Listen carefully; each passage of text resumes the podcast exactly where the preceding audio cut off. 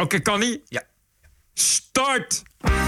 This is the TPO podcast. De parlementaire pers ontdekt online agressie tegen politici. Wat me eigenlijk het meest frappeert, en waar ik ook eh, bijna bezorgd over ben, is de enorme agressie tegen Sigrid Kaag. Het parool ziet met oud en nieuw hoop overal om ons heen aanwezig.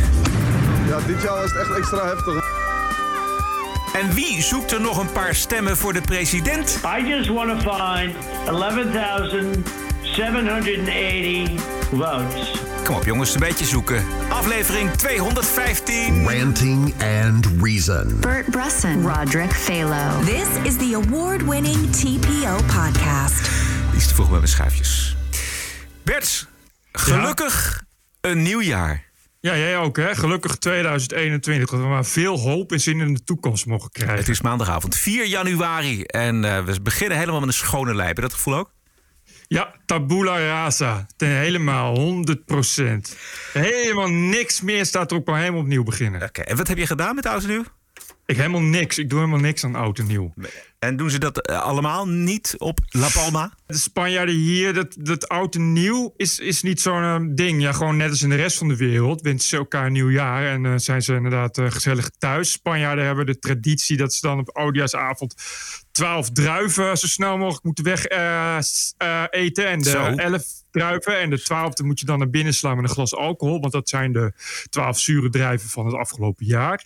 Uh, dat zijn een beetje de plaatselijke tradities. Maar verder is alles een beetje hetzelfde als in Nederland. Dus met elkaar monopolie en dat soort onzin. Vuurwerk. Uh, maar vuurwerk, dat is uh, met oud en nieuw hebben ze dat niet echt. Wel de rest van het jaar. Ze hebben hier echt bij elke gelegenheid, vooral in juli en augustus, zijn er veel dorpsfeesten en braderieën en dagen van, noem het maar op. Ze hebben hier ook een miljard heiligen, want het zijn katholieken.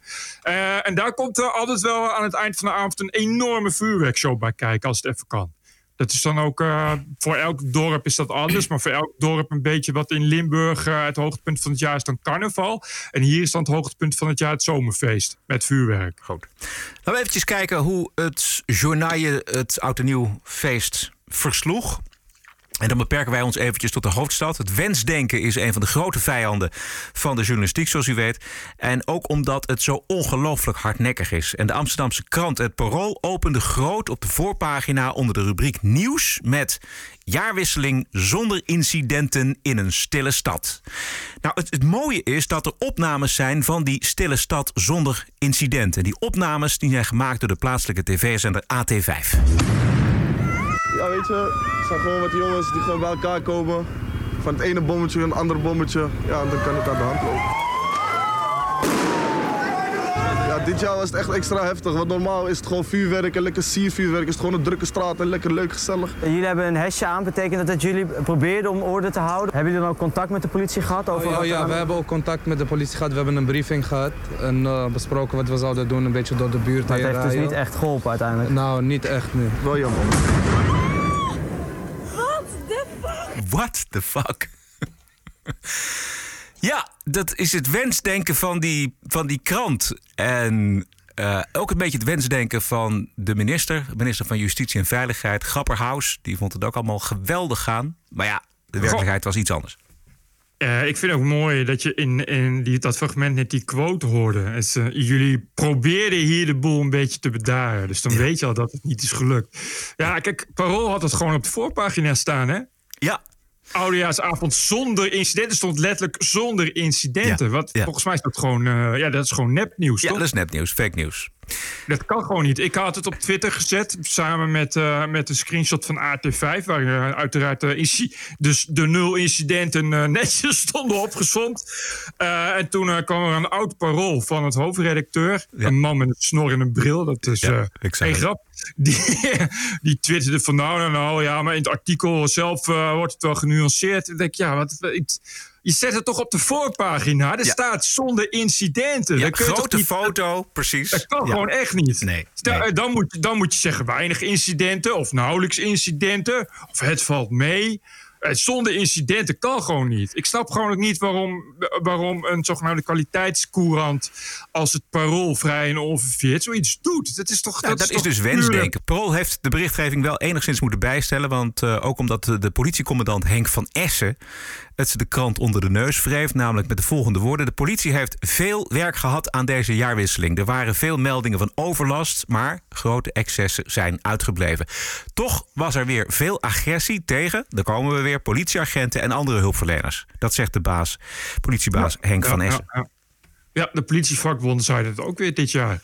Net als elk jaar krijg je inderdaad vanuit de politiek, eh, via, eh, via de media, krijg je dan eh, te horen dat het al met al toch nog wel een rustige jaarwisseling was. En dan krijg je alle drie uur later krijg je politie, politiebaas en politievakbondwoordvoerders die zeggen van het was dit jaar weer heel erg, nog erger dan vorig jaar.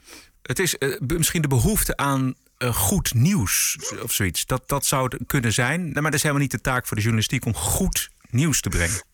Nou, ik moet zeggen dat nou niet alle uitingen, alle outlets erop nageslagen. Maar bijvoorbeeld de NOS, die hadden toch heel keurig eh, eh, eerst het artikel dat ze openen dat de politiewoordvoerders en politievakbonden vonden dat de agressie was toegenomen. En dan pas eh, inderdaad dat het al met al wel meeviel. Ik weet niet wat de andere media deden, maar het is altijd eh, opvallend, en ook voor de afgelopen jaren, is dat ze er altijd als de kippen bij zijn om te kunnen melden dat het allemaal heel erg eh, prettig eh, was en meeviel. Ja. Maar dan moet ik zeggen dat deze, deze parool voorpagina toch wel echt een, eh, nieuw dieptepunt is wat dat betreft. Het wensdenk is, is zo hardnekkig. Toevallig in dezelfde krant, het Parool. die krant die wist vorige week te schrijven dat het een van de meest geweldloze jaren ooit was in de hoofdstad. Krant, die, Ja. de krant die schrijft: eh, geweld kostte dit jaar tot nu toe 14 levens, een laagterecord in decennia. De vele incidenten gaven soms het idee van een gewelddadig jaar, maar veel slachtoffers overleefden schoten en messteken. Dus Ja, als het u, stond er echt. Het stond er echt. Als u als homo of als hetero in elkaar getrapt wordt... of gestoken wordt of eh, er worden schoten gelost... maar eh, de- de schutter mist uw vitale organen... dan is er volgens het parool geen sprake van geweld. Dit is echt eh, spinnen, eh Sovjet-stijl, hè? Ja, Ik bedoel, dit is, dit is echt. Nu gaan ze dus inderdaad zeggen van ja. eh, er was dus weinig geweld, want heel veel mensen overleefden het. Alsof de definitie van geweld Ja. is dat je het overleeft. Dat is niet zo. Dan, dat is dat er minder doden zijn gevallen. Maar daar is dan, nee, het is, echt, eh, het is echt een goede stad. Waar, waarom dan? Is niet veel geweld. Nee, het zijn gewoon weinig doden gevallen. Weet je, dat is, ah, dus dat, daar- daar- daar- als je dat doortrekt, kun je ook zeggen van ja. Weet je, dat valt eigenlijk best wel, best wel mee. Ver- Verkeer, verkeersongevallen is niet zoveel aan de hand. Maar er zijn maar zoveel doden gevallen. Dat er ook nog eens een paar duizend mensen ernstig lijden. En de rest van hun leven gehandicapt zijn. En niet meer kunnen werken en verminkt zijn. Ah, dat valt daar dan niet onder. Weet je, niks aan de hand, allemaal oké. En dat is dus het verhaal. Niks aan de hand, allemaal oké. De graanopbrengst was weer fantastisch dit jaar. Ja, wat ze eigenlijk hadden moeten doen was naar al die mensen gaan, om te kijken, onderzoeken. Al die mensen die geen aangifte hebben gedaan bij de politie. Kijken hoe groot de, het, het vandalisme en de agressie in de stad eigenlijk is, feitelijk is. Want ze gaan alleen maar uit van de cijfertjes. En ze gaan ook nog eens een keer kijken alleen maar naar de cijfertjes waar mensen eh, dodelijk geraakt zijn. Dus Ja. als je echt nieuws wil maken, dan ga je kijken naar wat er niet gemeld wordt bij de politie. En Dat het was nou journalistiek werk, inderdaad. Precies. En het ging niet alleen over de kop, want in het stuk ook nog schrijft de krant dat het vooral domme ongelukken waren door jonge mannen. Hè, u kent ze wel, die Jonge jongeren. Eigenlijk kinderen eigenlijk. Jongeren! Die denken dat ze een klappertjespistool richten op een ander. En dan per ongeluk merken dat het een echt pistool is. En, en, Zoiets. en, en iemand met een kogel raakt. Zoiets. Het zijn allemaal 15-jarige burgemeesterszoontjes met een nepwapen die kattenkwaad uithalen. Zoiets, zoiets, zo moeten we dat zien. Terwijl in werkelijkheid is het gewoon een, een plaag aan het worden van jongeren. Met messen en kapmessen en, en keukenmessen van eh, 70 centimeter op zak. Ja. En vuurwapens. Precies. Weet je, en, en dat geweld is wel enorm toegenomen. Dus de feiten, die, die, die waren er gewoon al. En als je die feiten niet wenst te noemen, dat is ook prima. Schrijf er dan niks over. Maar schrijf dan niet op. Het gaat allemaal toppie-joppie. Want er zijn veel doden gevallen. De enige reden daarvoor is eh, dat de ambulance dienst, omdat het dus steeds meer in het centrum is. En de ambulance diensten daar beter op toegericht zijn. Daar sneller bij kunnen zijn. Weet je, die respons in een stad is gewoon heel hoog. Zeker in een stad als Amsterdam. Dus vallen er minder doden. Dat betekent niet dat er minder slachtoffers vallen. En helemaal niet dat er minder geweld, eh, eh, dat er minder, minder geweld plaats is gevallen. Ik snap niet, wat wil dat parool überhaupt Het, het eigenlijk? parool wil een, een beeld schetsen. Want het, het, in datzelfde stuk komt ook nog voor dat er een, uiteindelijk een waardeoordeel, een conclusie is. Namelijk Amsterdam is bepaald geen moordstad. Jezus Hij is al ge- Christus. gelukkig. Weet je wel, dat is het idee. Het, het idee is, we gaan een, een beeld neerzetten van de stad. We gaan niet de feiten brengen, hoe ongemakkelijk ze ook zijn. Nee, we gaan een beeld neerzetten van Amsterdam is een succesvolle stad met een succesvolle burgemeester en wethouders. en, en die de boel onder controle hebben. Zo is het. Het zijn de graancijfers van Amsterdam. Geen misdaad, het is geen, geen daklozen, geen drugs. Geen, eh, geen sinkholes die de halve munt wegvreten. Ah, dat valt ook wel in mee. Oh. Oh, ja, ik, ik, eh, ik weet Kijk, het niet. je moet niet alleen maar geen stijl lezen. Je moet ook andere La- dingen luister lezen. Ja, Het is eh, de vorige keer vlak bij de munt. Is er ook al een heel stuk kade weggeslagen. nee, dat- precies. Dus, eh, Oké, nou goed. Maar ik heb het gezien, dat sinkhole, dat is, Ja? een, het is een sinkholtje. Oh ja, kijk, jij hebt het met eigen ogen gezien, dus daar kan ik niet overheen natuurlijk. Dat is dan wel weer zo. Dat zijn dan ook weer feiten, goed toegegeven. maar verder, nee, maar ik bedoel, ik- zo'n krant is, de, die beroept zich op journalistieke principes. En hoe? Weet je, de, ik weet niet of hij nu nog, volgens mij is hij net weg als hoofdredacteur. Dan hebben ze net een nieuwe er hoofdredacteur. komt een nieuwe. Misschien, misschien is dat het. Dat hij denkt, weet je wat? Ik ga er nog eens even eh dubbel down nog eens even dunnetjes overheen. Ja. Ja. Even de doelgroep versterken. Ik weet het niet. De nieuwe hoofdredacteur zat al in, het, in de hoofdredactie als adjunct. Dus ik weet niet of er heel veel verandert bij die klant. Oké. Als uh, Ter de Holman maar ongemoeid laten. Nou, voor die laat ze al, zolang die leeft, wat toch al 117 jaar is of zo, laat ze die ongemoeid bij die krant. Serieus, dat is de enige die in die krant echt altijd ongemoeid is gelaten. Wat heel knap is, Ja. omdat die natuurlijk wel altijd eh, extreem controversieel is. Dus het kan bijna niet anders. Of, of regelmatig. controversieel. Ja. Nou, dat is eh, de stukjes van Holman. Hoef je nou niet altijd extreem controversieel. Maar goed, hij doet natuurlijk een hoop dingen naast. Dus je weet dat er natuurlijk regelmatig wordt geroepen om uh, die platforming Ja. en canceling van deze eervolle, column, eervolle oude columnist. Maar dit is nog wel Eh, goed van het parool dat ze eh, hem inderdaad gewoon die vrijplaats geven. Want dat is natuurlijk feitelijk wat, Ja. er- wat, een Ja. columnist is. Die heeft een vrijplaats en dan moet je verder.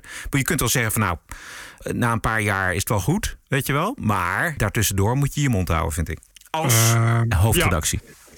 Nou goed, dat doen ze dan ook netjes. Maar goed, je weet dus niet wat die nieuwe, nieuwe gaat doen. Ik weet wel dat dat heeft natuurlijk elke columnist bij het aantreden van een nieuwe hoofdredacteur altijd het zich toch Ja. eh, afvraagt: wat gaat er nu met mij gebeuren? Ja, exact. Ja. Goed.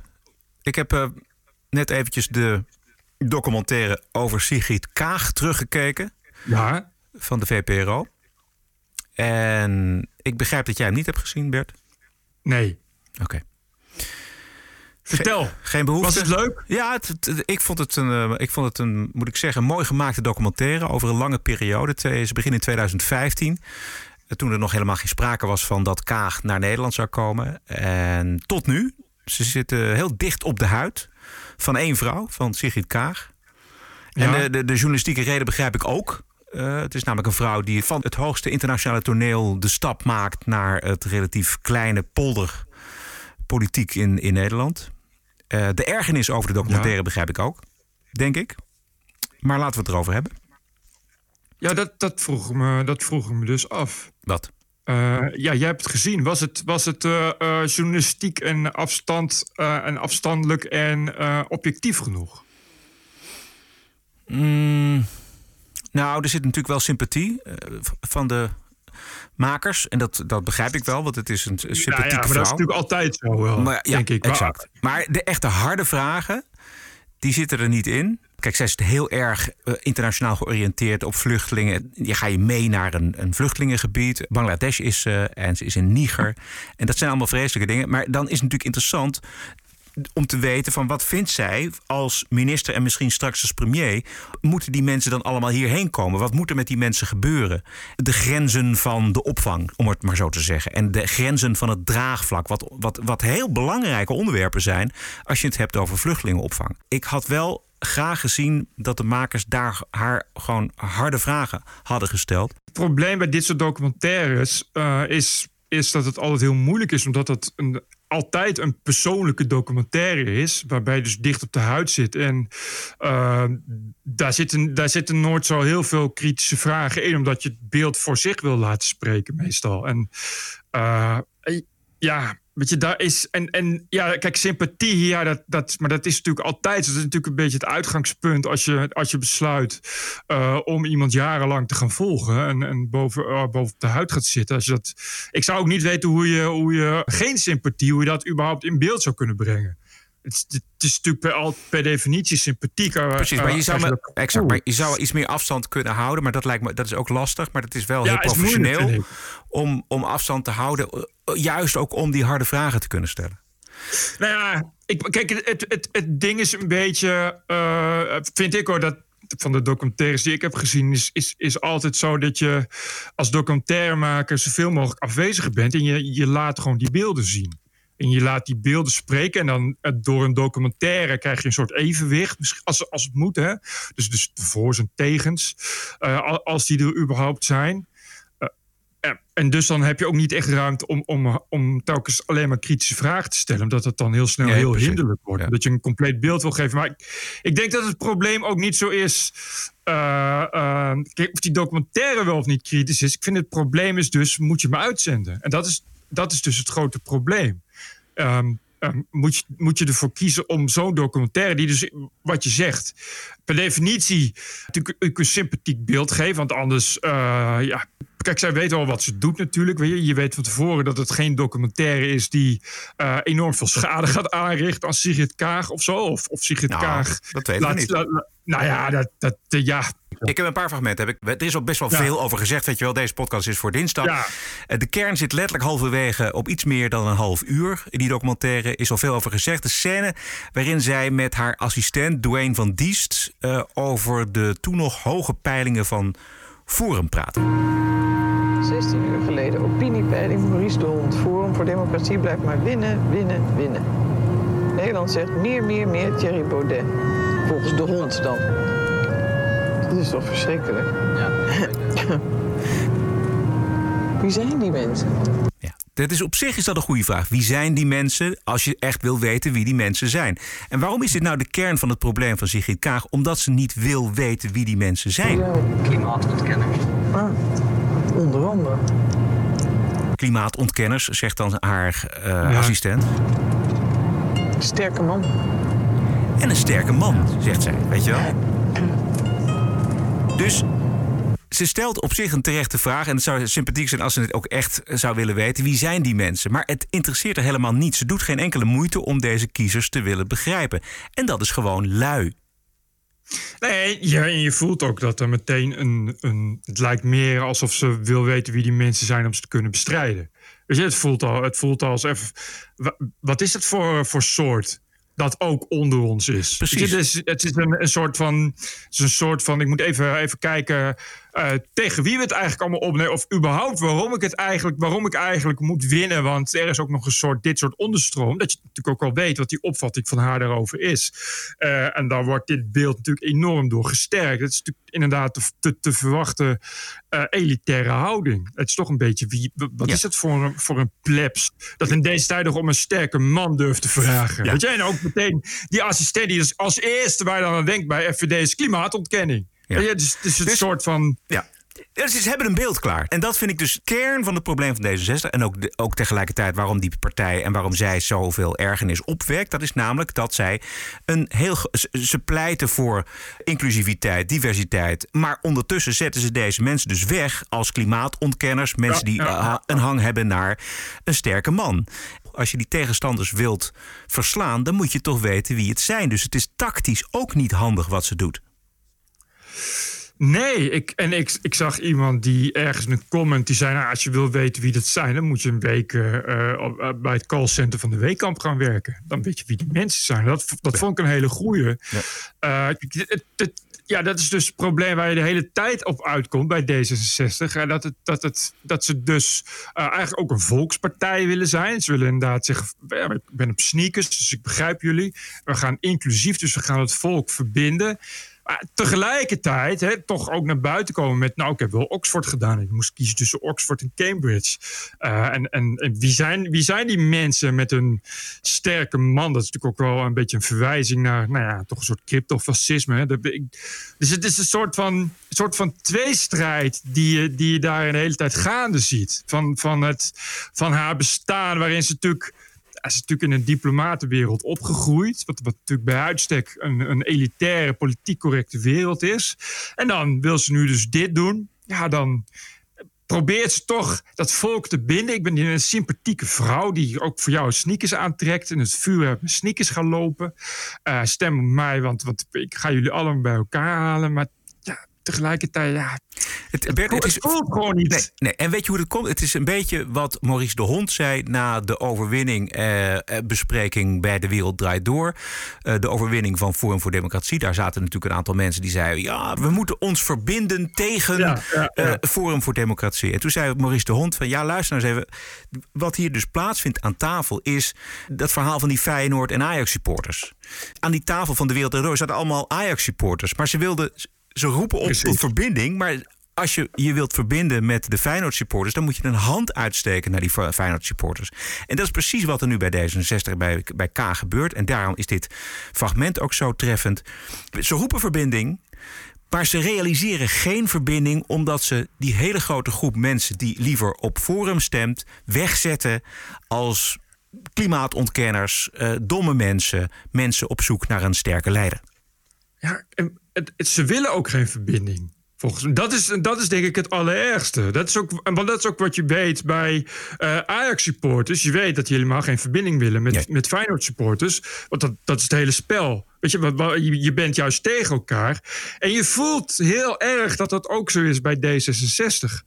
En ook bij Kaag. En je, en je voelt dan dat er dan ineens in een campagne... moet dat dan ineens daar zo uitkomen... En, en ja, het, het, het voelt gewoon een beetje, beetje viezig en smerig de hele tijd. En het klopt gewoon niet. En dat zie je dan, dat zie je dan terug in, in daar dit soort beelden. Ja, ook zo'n zo'n assistent of zo'n campagneleider of wie is het die daar dan inderdaad grijnzend bij zit. En dat dat ook als eerste aangeeft waarop je, waardoor je ook het gevoel krijgt hè, dat het natuurlijk een soort running gag is. En dat wordt natuurlijk elke dag in de auto wordt dat zo besproken. Even kijken wat, wat, wat dat, dat verfoeilijke VVD, FVD heeft gedaan. En daarom klinkt het niet authentiek. Daarom is dat hele verhaal van verbinden deugt niet. En dat voelen mensen. Ze roepen verbinding, maar ze schrijven mensen af. Ja, exact. Maar goed, dat spreekt dan wel weer uh, voor uh, de documentaire jouw bezwaar was: moet, moet je dat nou in verkiezingstijd gaan uitzenden? Nou, het hangt ervan af. Als je het eerlijk doet. En dit was een eerlijke documentaire, denk ik. Uh, met alle mitsen en maren die we net bespraken. Maar dit zit er wel in. Ander stukje van Kaag over leiderschap van uh, Nederland. Wat zij nu als eerste vrouwelijke premier zou ambiëren. Dat is wel eens anders geweest toen zij door de interviewster gevraagd werd naar het mogelijk leiderschap van haar partij D66. Ik vind het nogal pretentieus. Tweede, ik ben er niet mee bezig, dus ik kan er ook eigenlijk niet een echt zinnig antwoord op geven. En ik geloof ook niet in een uh, enorme campagne. Uh, dat je daar uh, voor jezelf moet gaan profileren en tegen iedereen zeggen: nee, ik ben de beste voor de partij. Volgens mij moet dat veel organischer eruit komen. Volgens mij moet je dit soort dingen helemaal niet per se ambiëren. Ik weet ook niet of je dan de geschikte persoon bent. Sommige dingen komen misschien op je pad, maar of je het nou moet willen, dat weet ik niet. Volgens mij niet. Als je kijkt naar de levens die mensen, de opofferingen die mensen zich hebben getroost in de tijd dat ze partijleider waren, nou, dat is nog wel een zware klus. En in dit tijdperk, in een Nederland of in Europa, waar je niet alleen geleefd wordt door de, de klus die je dan gesteld ziet, maar ook de sociale media en eigenlijk de, de onbeschoftheid en alles wat er omheen uh, gebeurt, of je dat nou moet willen, dat weet ik niet. Volgens mij moet je dat niet willen. Met, bij, je gezonde verstand. Ja. Dus ze wil niet op de voorgrond, maar ze doet het wel. En ze ziet ook enorm op tegen alle eh, het, verbale geweld, zeg maar. Ehm, ze heeft wel de keuze gemaakt. Ja, toch maar wel. Maar goed, dit soort interviews heb je altijd. Hè? Het is altijd uh, uh, zeggen mensen eerst: dit ga ik absoluut niet doen. En moet je dat wel willen? Want ja, je wil daarin toch zo bescheiden mogelijk blijven, meestal. Eigenlijk de enige die dat nooit deed, wat voor hem spreekt, was Thierry Baudet. Die uh, riep eigenlijk al vanaf dat hij kon praten dat hij de premier van Nederland wilde worden. Eigenlijk net als Pim Fortuyn. Maar de rest zegt altijd: nou, ik weet niet of dat wel ambieer. Weet je, ik weet niet of je dat wel moet willen. Ben ik er wel de juiste persoon voor? Dat laten we dan moeten, zeg maar maar uitwijzen. Terwijl je natuurlijk weet dat, eh, dat eh, die gedachte natuurlijk gewoon, eh, gewoon er is. Gewoon altijd speelt. En dan is het zover. Dan blijkt ineens dat je dat toch moet gaan doen. En dan, ja, dan kun je zeggen, ja, dit soort interviews didn't age wel. Maar aan de andere kant is het wel een beetje ja, standaard. Dit, dit, dit soort dingen ga je toch altijd zeggen. Ik kan mezelf bijvoorbeeld herinneren dat er eh, iemand was, was ook D66. Die eh, maakte echt een eh, langdurige persoonlijke campagne voor de gekozen burgemeester in Nederland. Die ging ook met een hele bus ging die door Nederland om voor de gekozen burgemeester te pleiten. Zonder resultaat. En toen die klaar was in de politiek, werd hij benoemd tot burgemeester. Weet je, dus is, het is het is altijd, eh, altijd een beetje pijnlijk. En dat is iets wat, waar, waar je, waar je niet onderuit komt als je in de politiek zit, geloof ik. Ehm, nou is het zo dat het heel slecht ging met Rob Jetten in de peiling. Hè? De, peiling de, de partij Ja. werd ge- gehalveerd. Ehm Ollongren en Kaag die in de coulissen stonden... want dat zie je ook in die documentaire... dat er dus mensen naar hen toe komen en zeggen... nou, moeten jullie het niet doen? Er is echt, echt openlijke onvrede. En Ollongren was ziek. En op een gegeven moment, ja, dan, dan kwam je toch bij, bij haar uit. En ik denk dat ze gedreven wordt door ambitie... en, en toch een soort plichtsbesef jegens haar partij. Ja. Ehm, maar eh, ja, het is toch niet haar baan. Het is, het- ze is geen straatvechter. Het is geen Margaret Thatcher. Eh, ze is Nee. een keurige, aardige diplomate. Eh, die of een hele dikke huid moet gaan kweken. of eindeloos eh, beter op haar plek is eh, in de internationale diplomatieke verkeer. Wat ook naar buiten komt, en dat lees je ook in de commentaren. is dat Kaag nogal wat haat ervaart. As you know, the misogyny in the media against women in public life, that also, I'm now myself thinking, shall I continue or not? But the price to pay is so heavy uh, because they kill you with fake news, social media, and there's so much misogyny. There's just hatred against women. That speak out and stand up. Vrouwenhaat dus, dat ervaart ze. Ik zag vooral dat zij eh, ongelooflijk gemakkelijk beweegt tussen alle grote der aarde. De eh, hoge diplomaten, ministers, eh, Mhm. militaire leiders. En hoe ongemakkelijk ze zich beweegt in het Twe- Tweede Kamergebouw eigenlijk. Hè? Op het Binnenhof. Precies. Dus, dus dat zij, de, de vraag is echt helemaal waar ze gelukkig is. Volgens mij. Volgens mij is hij hier niet gelukkig. Nee, volgens mij ook niet. Uh, ik vind dat uh, ja, over die haat. Ik, ik, ik zag vandaag ook weer uh, dat uh, links Nederland nu weer een beetje boos is dat iedereen die documentaire zit af te zeiken. Dat iedereen Sigrid Kaag haat. Dat, ik geloof dat het ook in de documentaire zit. Dat van ja, waarom word je zoveel gehaat? En kunnen ze dat dan ook uitleggen waarom? Nee, dat kunnen ze niet uitleggen. Ja, ik weet niet. Ik vind het altijd zo. Het gaat dan altijd als je dan vrouwen en is ineens ja, het is allemaal vrouwenhaat en allemaal zo misogyn. Ja, ja. weet je, die haat is gewoon altijd. Precies. Weet je, en, uh, en uh, als, ik kan me niet herinneren dat iemand al helemaal niet uit D66 het heeft opgenomen voor uh, Annabel Nanninga. Als je het over, als je het over misogyne tweets hebt, dan uh, kan ik je wel uh, elke dag een uh, pak ja. doorsturen. Nou weet ja, je wel? Die, zo, die aan de... Precies, of sowieso de haatbeer tegen, tegen Baudet, tegen, ja. tegen Wilders. Ik bedoel, daar hebben we de, Kees Boman nog niet over gehoord. En die zat vanmorgen wel op het Radio 1-journaal. en die ergerde zich enorm aan alle kritiek op Kaag en agressie. Wat me eigenlijk het meest frappeert en, en verbaast... en waar ik ook bijna bezorgd over ben... is de enorme bijna. agressie tegen Sigrid Kaag. Op welk moment, waarover dan ook. En D66 uh, ook nog. En nou ja, ik, ga niet uh, alles op Twitter citeren. Mm. Dat zou uh, ongepast zijn qua woordgebruik aanhalen. Maar laat ik, nou ja, dan bijvoorbeeld Marianne Zwageman dan maar aanhalen. Die toch af en toe wel eens voor serieus doorgaat. En die brandt haar helemaal af. Kaag heeft last van Nederland haat. Wat doet ze hier dan? Ze loopt als een bouwvakker. Dodelijk saai. Ik snap die voltooid levensstrategie nu beter hè, van D66. En uh, zij heeft ook Hoe nog verklaar jij het? NPO 66, hè, ja. dus dat uh, wij allemaal ja. bij de NPO mm-hmm. werkzaam zijn op D66. Wellicht wel onder dwang naar idee uh, stemmen. Nee, ik kan dat niet verklaren. Dat is, dat is, dat is een, dat is een, er zit een zin van haar in waar veel kritiek op was. Wie zijn die mensen? Hè? Dan ging het over me, mensen die, die op Forum stemmen. stemmen. Ja. ik vraag me af, wie zijn die mensen? Wat zit daarachter dat je zoveel agressie hebt? Ja, Ach man, die ja. vent is nieuw. Kom op zeg. Nee, die is, dit... Kees Boman is niet seniel. Maar Kees Boman is wel heel erg selectief in voor wie die het opneemt. Ja, dat, precies, dat bedoel ik. ik. Ik bedoel, hij heeft verder gelijk hoor. Er is heel veel haat en daar kun je van alles van vinden. En eh, ik heb nou niet het idee dat de democratie er beter van is geworden van Twitter. Maar eh, dat heeft helemaal niks met Sigrid Kaag te maken. Iedereen wordt gehaat op Twitter. Ik bedoel, ik, jij, eh, Ja. iedereen Man, wordt man, gehaat man, op Twitter. op, ja. En dan ga je, ga je Marianne Zwageman citeren. Die, die, ik, ik lees haar ook nooit, maar van wat hij citeerde... Ik, nou, dat klinkt als een, als een, als een heel keurige kritiek.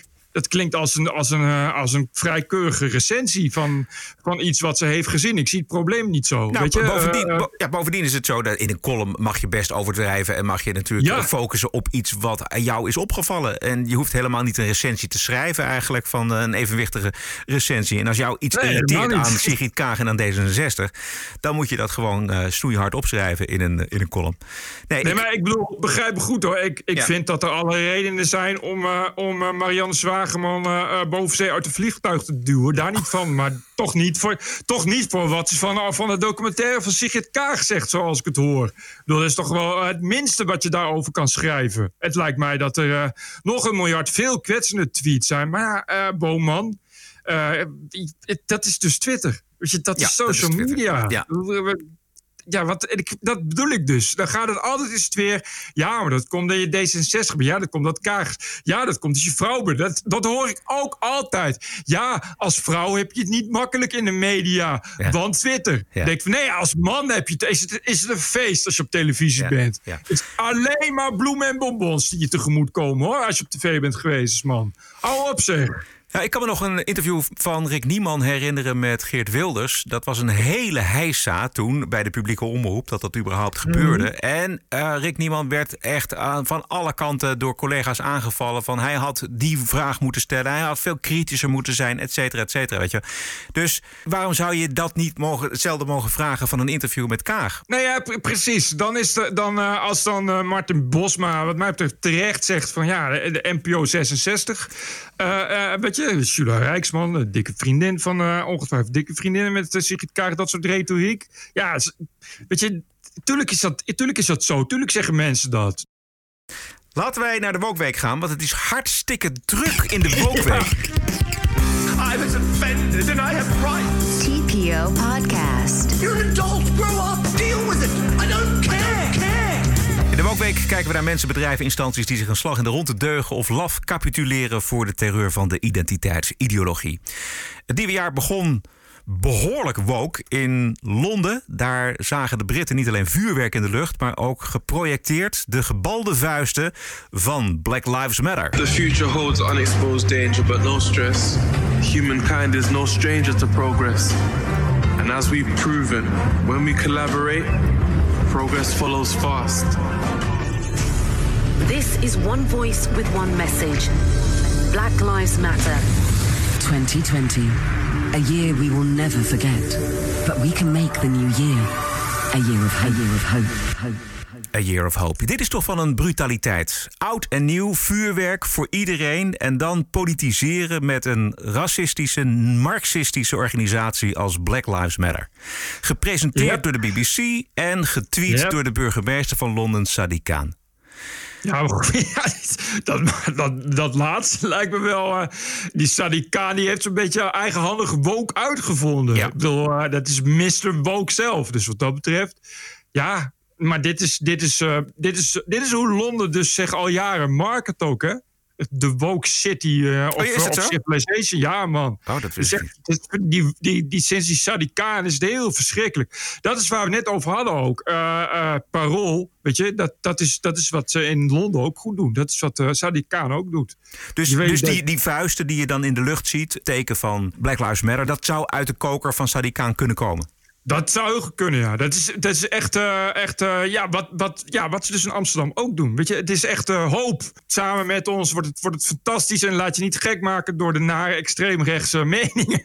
Terwijl, kijk, Londen is natuurlijk een tsunami van, van jongeren die elkaar overhoop steken. Net als in Amsterdam Ja. overigens. Ja. En daar heeft uh, Sadiq Khan heeft dan nooit een antwoord op gehad. Maar altijd wel juist tegenovergestelde door eh, ja, eh, verbod te doen op seksistische posters. Oh, weet ja. je wel? En, eh, Ja. Nog een milieuzone en zo. Een beetje dat soort gelul. Symboolpolitiek. Dat is 100% symboolpolitiek. En, en ja, echt zo woke als de neten. Maar dat hij dus met een politieke organisatie als Black Lives Matter, een radicale groepering, het oud en nieuwfeest verpest. Ja, verpest en kaapt.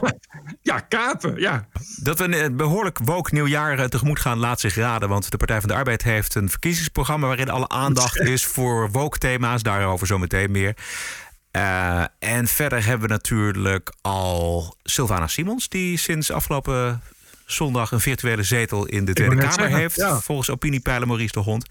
En we hebben eh, in eh, Washington een democraat in het Witte Huis straks. En de democraten gaan alvast aan de gang met eh, gendergerelateerde taal in het Huis van Afgevaardigden. Verwijzingen naar vaders, moeders, vaders, zonen, dochters, broers, zussen, echtgenotes. Dat wordt allemaal geschrapt. Het wordt gewoon ouder, het wordt kind. Even kijken, wat wordt het allemaal? Het wordt vooral ook heel ingewikkeld om Het wordt dingen te ongelooflijk ingewikkeld om dingen te benoemen.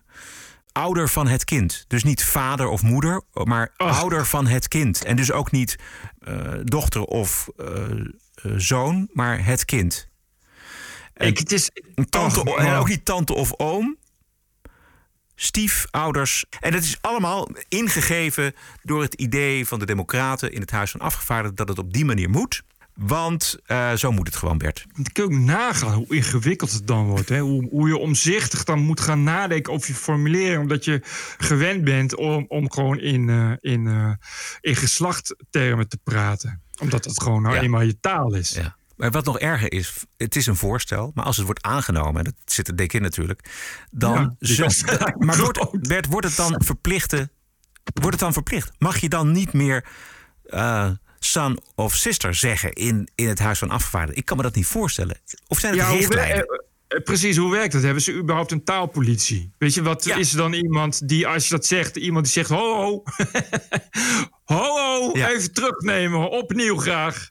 En dan nu zonder geslachtsaanduiding. Dat lijkt me ook niet. Volgens mij zijn het inderdaad richtlijnen. Een beetje zoals in de Tweede Kamer. Maar- dat dan de, de voorzitter. eh, oh, dat is Nancy Pelosi. Ja, precies. Nee, maar de- exact. Die zal daar Zo wel, gaat eh, het. Exact. Die zal er wel extra bovenop gaan zitten Juist. dan. En de, en de voorzitter zal aansturen op ander taalgebruik. Een klein voorproefje van een democratische politicus en kerkpastoor. Zijn naam is Emmanuel Cleaver. De verwijzing naar eh, God eh, eindigt niet langer met alleen amen, maar ook met de vrouwelijke variant. En hij draagt een mondkapje. We ask it in the name of the monotheistic God, Brahma, and God known by many names, by many different faiths. A man and a woman. Ik, deze is eh, heel veel getipt. Ja. kwamen er meerdere over binnen. Ik zag hem ook al eh, op andere kanalen staan. Het is, ik, ik begrijp niet hoe je dat als dominee kan doen. Nee, ik begrijp het ook niet. Want ik heb nog eventjes... ik- eh, jij bent eh, christelijk opgevoed, ik niet. Maar ik heb nog wel nou- e- even gekeken naar Ja. de betekenis van amen. En maar dat, zover ik het begrijp nu, is de betekenis... ik beaam het. Ja, dat is, eh, het zal waar en zeker zijn. Precies, dus hoe, hoe, hoe maak je daar iets mannelijks eh, en eventueel iets vrouwelijks van? Ja, het woord men in amen heeft er helemaal niks te maken met, met, met man of zo. dus, dus ik, en een beetje dominee eh, weet dat. Het is niet dat dat een groot geheim is of zoiets. En het is vrij... eh, het is volgens mij vrij beledigend voor, voor religieuzen. Voor God helemaal. Ik weet zeker dat God en Jezus dit eh, niet, eh, niet, eh, niet echt heel grappig vinden. Maar over de motivatie is hij volstrekt helder. Weet je wel, het gaat hem echt over om gendergelijkheid. En ja, dat je er hiermee aankomt, dat vind ik een werkelijk een wonder. Kijk, God eh, en Jezus zijn mannelijk. Daar is de Bijbel ook vrij duidelijk over. Maar is God mannelijk ook? Ja, dat? Ja, de, de, de, de Bijbel is natuurlijk, eh, is natuurlijk zo vrouwenhatend als de pest. Gewoon net als alle andere religieuze boeken. Maar wordt God Dus als dat- man gezien? Nou ja, God is... eh, de man is in Gods evenbeeld geschapen, is het idee. Oh, Oké, oké.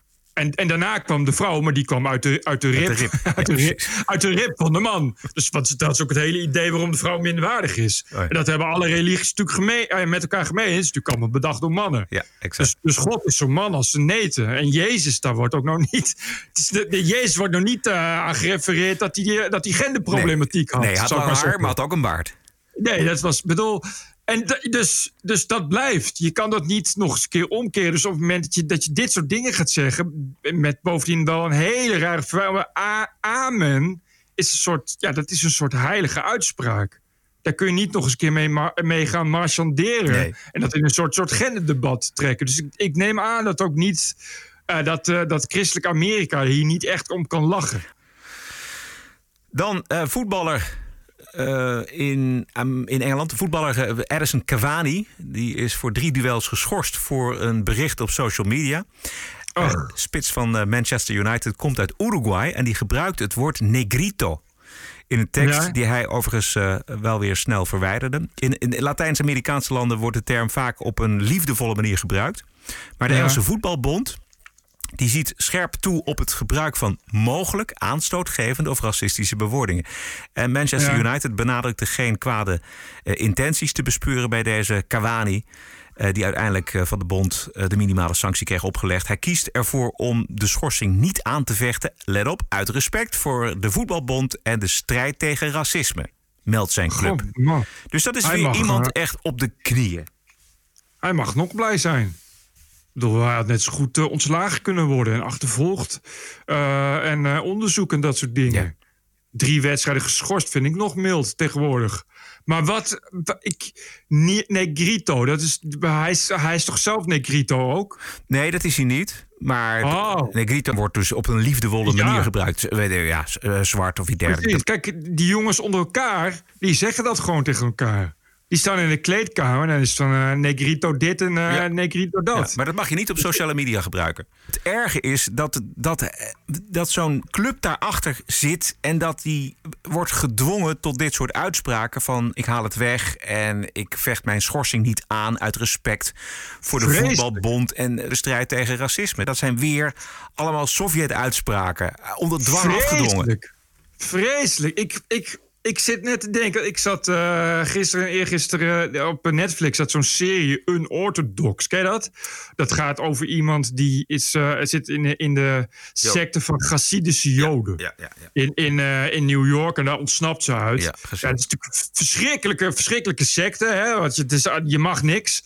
Want, want ja, religie, dan wordt God boos. Ik zat daar hè, dan hier aan te denken. Weet je, het is hetzelfde soort secte met alleen maar controle. Iedereen controleert wat je de hele dag doet. En, en, en, en als je dat doet, dan, dan, ja, dan, moet je, dan moet je je excuses maken. Want anders komt het niet goed. Het verbaast me altijd hoeveel gelijkenissen er zijn met een die, vooral die beklemming.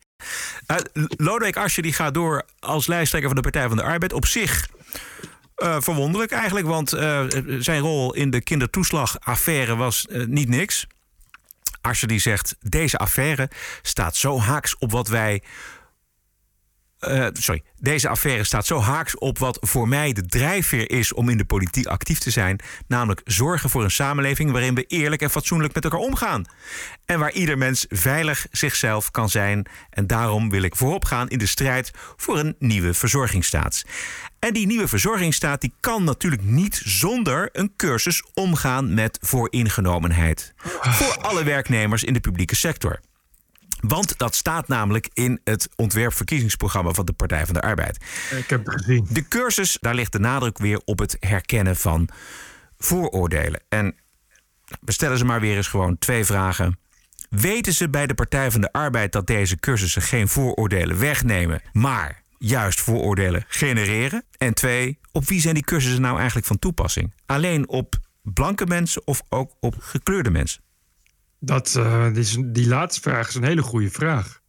Je zult zien dat het alleen voor blanken is. Want dat is het natuurlijk. Blanke natuurlijk. pesten. Ja. Het is uh, duidelijk dat, uh, dat het, het vanuit wordt uitgegaan dat je als je als blanke bent geboren, je toch al een soort schuld hebt. En dus dat voordeel, dat moet worden weggenomen.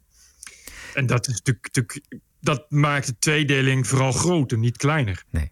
Ik zou het zo mooi vinden als je de, de, de, parlementaire journalistiek nou eens een keer een, gewoon een goed gesprek heeft met wie dan ook van de Partij van de Arbeid. Met deze vragen. Gewoon even precies. diep ingaan op, op het voornemen en op die cursussen. En wat, precies, wat, hoe, hoe zien die eruit, die, die, die vooroordelen? Ja. En, en, en is het niet. Is, wat, de, de, partijtop van de PvdA is natuurlijk zo blank als een pakje boter. Dus is het niet. het zijn jullie al eigenlijk al op, op voordeelencursus geweest? En gaan jullie dan ook als eerste? En gaan jullie dat dan laten zien? Of hoe, hoe werkt dat? En is het niet, niet, moet je niet gewoon, niet gewoon eh, opstappen voor, voor dus een gekleurde, voor een gekleurde top? Exact. Je heeft Orson al zo'n cursus gedaan. Ik zou het gewoon echt snoeihard vragen. En Adje Kuik en iedereen. Iedereen binnen die Partij van de Arbeid. De- ze denken echt dat, dat dit soort woke shit. Dat dat het is. Dat dat, dat, dat, een soort hip ding is waarmee je je partij vernieuwt. Ja, exact. Maar het is echt, echt zo regressief. Nog meer? Ja, er was eh eh, Grease was op tv. Oh ja. Grease, wat, wanneer, uit welk jaar? Dat is 1963. Nee, 78.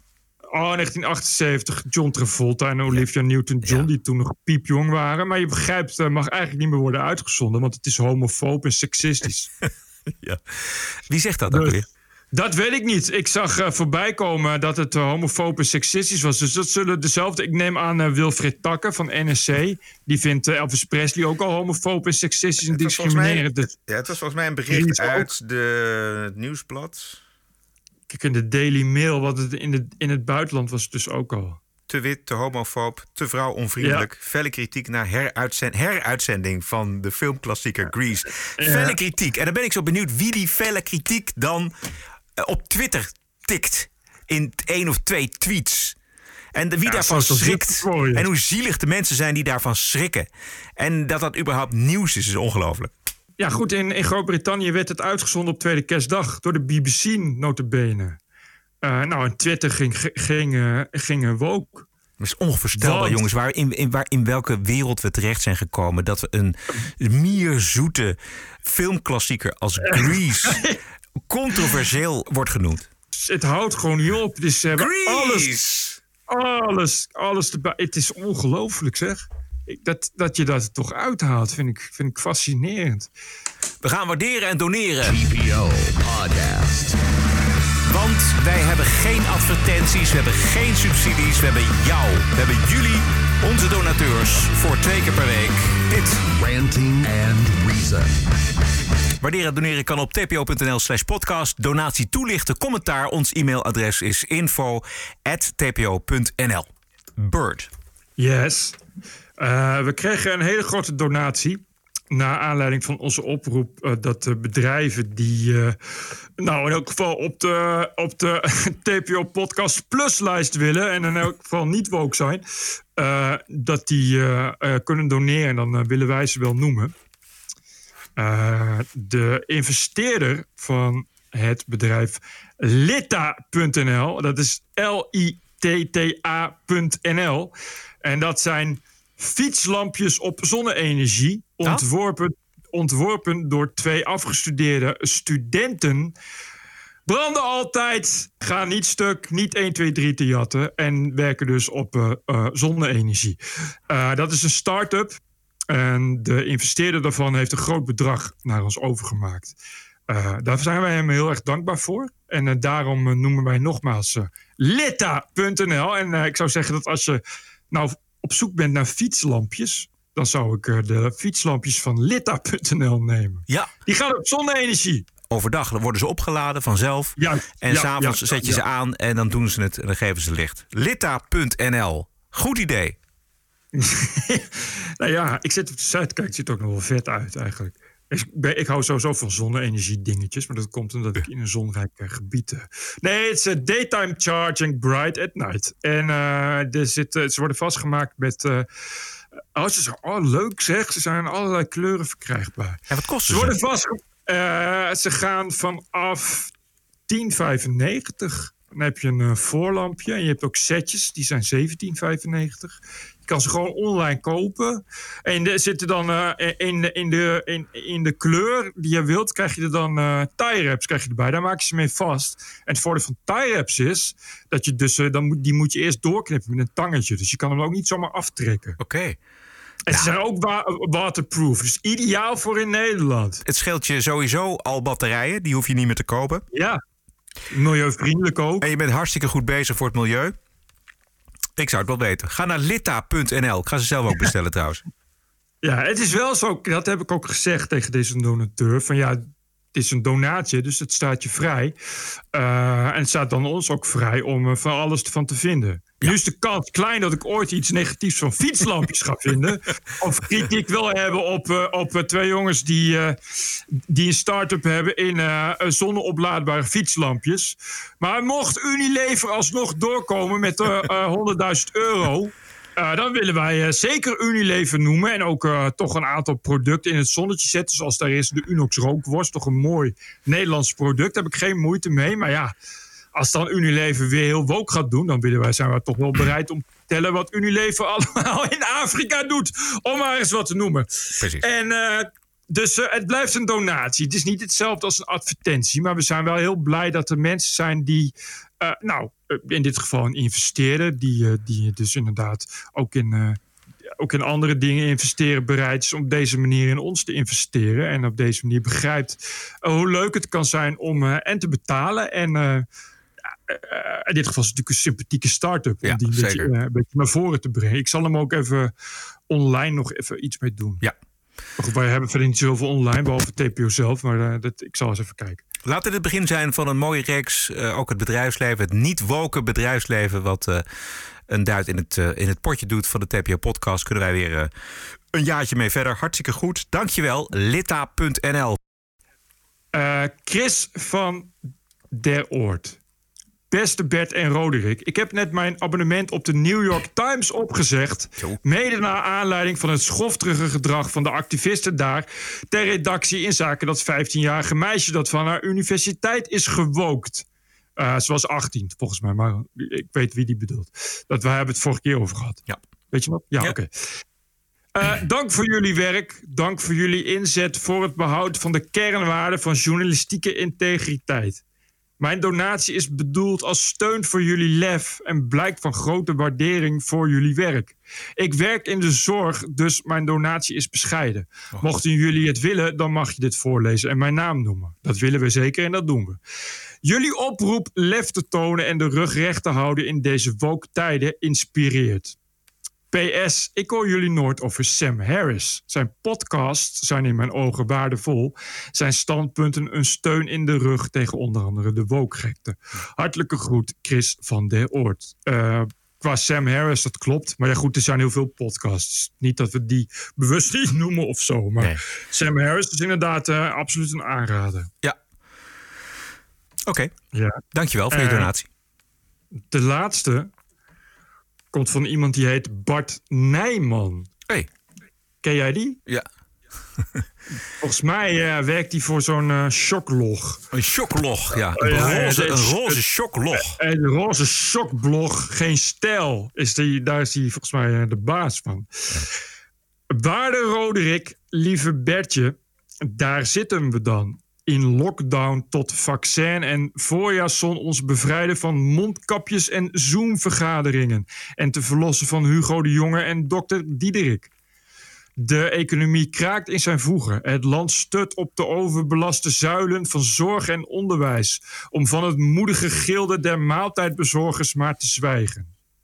Verkiezingsprogramma's vullen zich met de morele weekhartigheid van een woke schijnwerkelijkheid. Je zou bijna denken dat wanhoop overal om ons heen aanwezig is. Maar het is 2021, een nieuw jaar vol kansen, vol mogelijkheden en vol esprit de corps ligt voor ons. Vervuld van levenslust, gezegend met een gezond gestel en met een gebald gemoed van blakende daadkracht, grijpen wij van geen stijl naar de pen en jullie van de TPO-podcast naar de microfoon om het lege blad dat 2021 heet te beschrijven. Want hoop is overal om ons heen aanwezig. Je moet alleen wel zelf de polemiek produceren. Van hoop kun je niet eten. Daarom van ons voor jullie een donatie van 103 euro.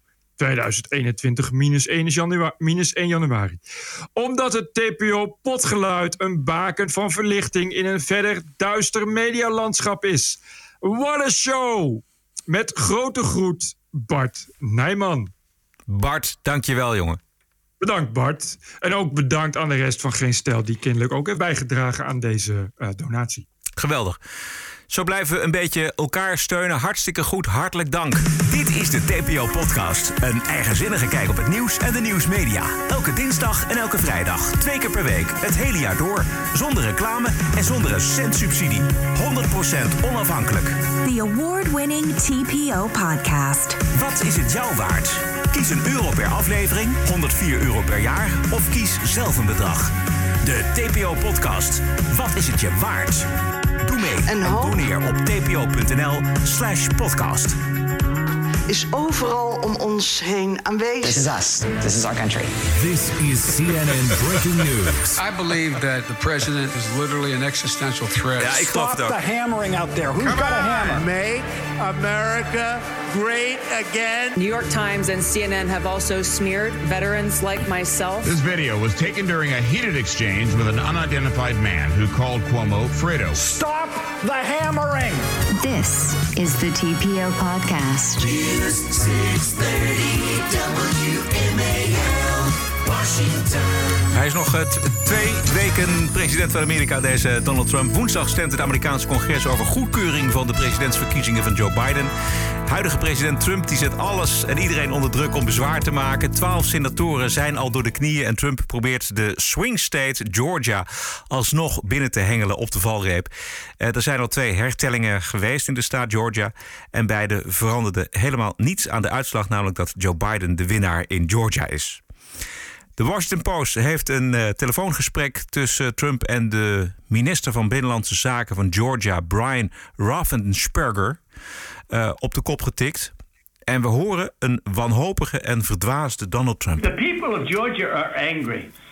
And these numbers are going to be repeated on Monday night, along with others that we're going to have by that time, which are much more substantial even.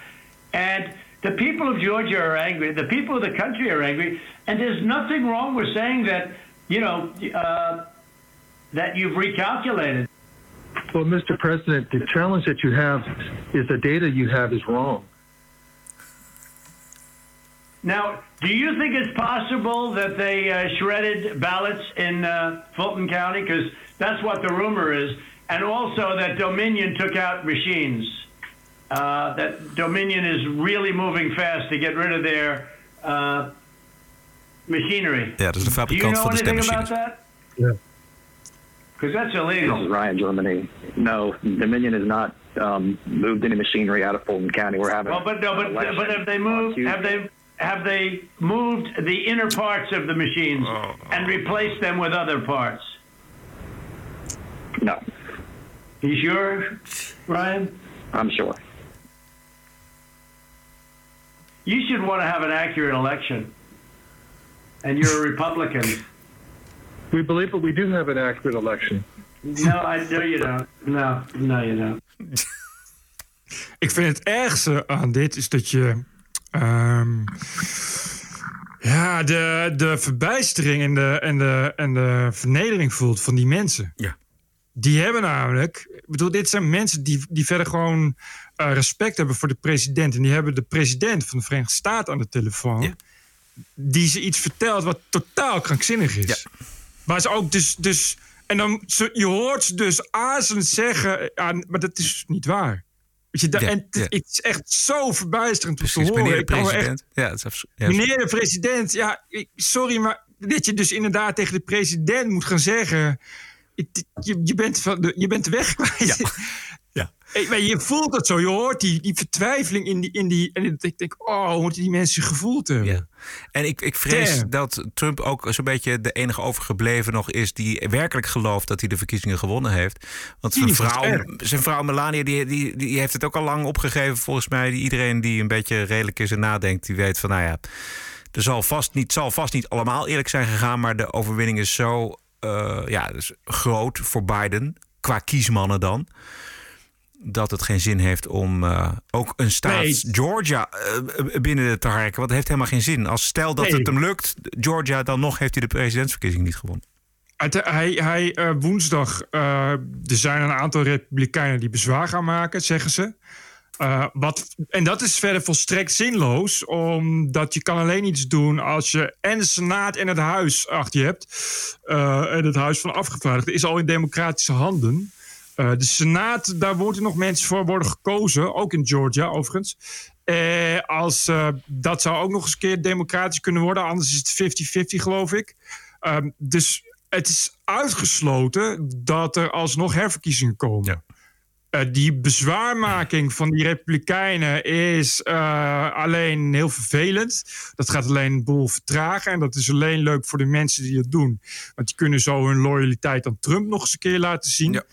Uh, en verder gaat het helemaal niets veranderen. Dus het is 100% zeker dat Biden president wordt. maar dit is, ik vind het echt sad. Ja, ik vond het een, een, een, een goede en leuke president. en je hoort hier iemand die in zijn eigen, in zijn eigen rabbit hole is gezogen van complottheorie. Je, hoort hem, je hoort hem ook letterlijk zeggen: rumors. Hij, ja. hij baseert zich dus op geruchten. En dat weet je dat het dus iemand is die nog tien keer knettergek is dan hem. En, en, het is een klein kind eigenlijk die zegt: Ik heb niet verloren met knikkeren. Het is gewoon schadelijk wat hij doet. Het is, het is gewoon. Dit is, dit is, dit is echt, echt heel slecht voor de democratie. Omdat je hiermee gaat zeggen dat die. Uh, al die uitspraken van al die rechters. Dat zijn er heel veel. Dat zijn er geloof ik 32 of zo. Die allemaal hebben gezegd. Ik zie hier geen zaak in, want je hebt te weinig be uh, bewijs. Uh, die downplayt hij. Weet je, en hij downplayt hiermee het democratisch systeem. Van verkiezingen die er gewoon zijn. Van kiesmannen die er echt heel veel meer ook. Hè. Biden is, is echt veel meer nog een winnaar dan hij is. En ja, ik, het is gewoon zo slecht. En hij probeert, je, je hoort hem hier proberen druk uit te oefenen. En als je het hele verslag leest, dan hmm. probeert hij ook druk uit te oefenen op ja. deze mensen. Van ja. nou, pas maar op. Hè, want als je nu niet, nu niet met me meegaat je weet maar niet hoe dat straks, uh, niet dat ze bedreigt, maar wel uh, hoe dat straks juridisch gaat aflopen ja, en dat soort dingen. Nou, laat me even luisteren. You know what they did and you're not reporting it. That's a, you know, that's a criminal, that's a criminal offense. Yeah. And, and you know, you can't let that happen. That's, that's a big risk to you and to Ryan, your lawyer. That's a big risk. Hij zegt dus, het is een, een groot risico voor jou en je advocaat. Ja, maar dit is de president van de Verenigde Staten die dat zegt. Dat is niet zomaar wat. De president van de Verenigde Staten die je belt. Ja, hij en, die, en die je zegt: pas maar op, jongetje. Ja. Dat ja, ja, maar dat is, zijn, dat, is, dat is de hork die hij is. Dat is de straatvechter die hij is. Overigens is, is het natuurlijk wel zo. Kijk, dit is, jij zegt het is schadelijk wat hij doet. Dat zou kunnen, dat weet ik niet. Maar kijk, de Democraten hebben het natuurlijk vier jaar geleden ook heel ernstig zijn verkiezingen. Ja, eens, dat in, ben ik met je eens. In, de, in twijfel getrokken. En. Uh, dat was net zo schadelijk hoor, daar niet ja, van. bedoel, ja. laten we niet. Uh, nee, maar in, in, de Volkskrant schrijven hier natuurlijk ook over terecht. Maar dan eindigen ze met een uitspraak van die Schiff, een woordvoerder ja. van de Democraten, die dan roept ook van: Dit is heel ernstig voor de democratie. En dan denk ik, ja, man, je hebt vier jaar geleden deed je precies hetzelfde. Je hebt vier, afgelopen vier jaar niks anders gedaan dan het presidentschap van Trump in twijfel getrokken, de legitimiteit daarvan. Hij heeft eigenhandig de Russian collusion verzonnen. Ja. Bedoel, ja. wat, als, ja. je nou, uh, als je nou iets schadelijk wilt hebben aan de democratie. Maar dat vind ik ook het probleem van, van al die mensen die hier nog steeds in meegaan. En dat zijn er nog heel veel die nog steeds blijven beweren van ja, de, de verkiezingen zijn gestolen. Denk van jongens, jullie doen exact hetzelfde als de Democraten deden vier jaar geleden. Want ik wil niet lullig zijn, maar het waren vier jaar geleden toch een, een, een groepje Democraten die precies als nu gaat gebeuren woensdag, bezwaar hebben aangetekend exact. tegen de eerlijke verkiezingen. Ja. Dus doe nou niet hetzelfde, want dat is echt. Dat is best wel dodelijk, vind ik. Ah, dit, is, dit slaat helemaal nergens op. Dit is een, ja, een treurige die, afgang. Het zijn ook van die, van die, van die rare complotdingen. Dat ja. je ook echt hoort van ja, de uh, die hebben snel uh, hun, hun, onderdelen van de stemcomputers ja. vervangen. En het bellen door de snipperaar gehaald en zo. En, en dan vragen, geloof je dat dat kan? Geloof je dat dat kan? En als het kan, dan is het gebeurd. Ja. Precies. Alsof ze, als zij dan zeggen, nou ja, dat, dat is waar. Oh, en dan is het waar of zo. Weet je, alsof je daar niet serieus ja. bewijs voor moet hebben. Ja. Dat, is, dat, vind ik het, dat vind ik het kwalijke. Dat, we ook, dat hebben we ook gezien. Hè. Ook, ook die getuigenwoorden. Dat er een hele rits ambappies zitten die hele hallucinante verhalen vertellen. Dat je denkt van, dude, moet je niet ook, ook gewoon oppassen met wie je, wie je verzamelt. En voordat je dit soort dingen de wereld in slingert, moet je niet gewoon ook beter bewijs hebben dat is toch, dat, dat is echt heel zielig. De TPO-podcast is te vinden op iTunes, op Spotify, Soundcloud en natuurlijk op tpo.nl. Zeer veel dank voor de ondersteuning van deze aflevering 215. De post kan naar info.tpo.nl en waarderen kan op tpo.nl slash podcast. We zijn terug vrijdag 8 januari. Stay cool en tot vrijdag. TPO Podcast. Bert Bruson, Roderick Balo, Ranting and Reason. Wij zijn ook uh, tegenwoordig in video op YouTube. Dus oh, ja. daar moet je zeker naar gaan kijken. Dat is het YouTube-kanaal van de Post Online. Dus dat kan niet missen. Dan uh, zie je ons in onze werkomgeving. Want wij zijn ook thuiswerkers. Podcasting is the TPO podcast in the Netherlands. Bert and Roderick. What a show. I'm telling you.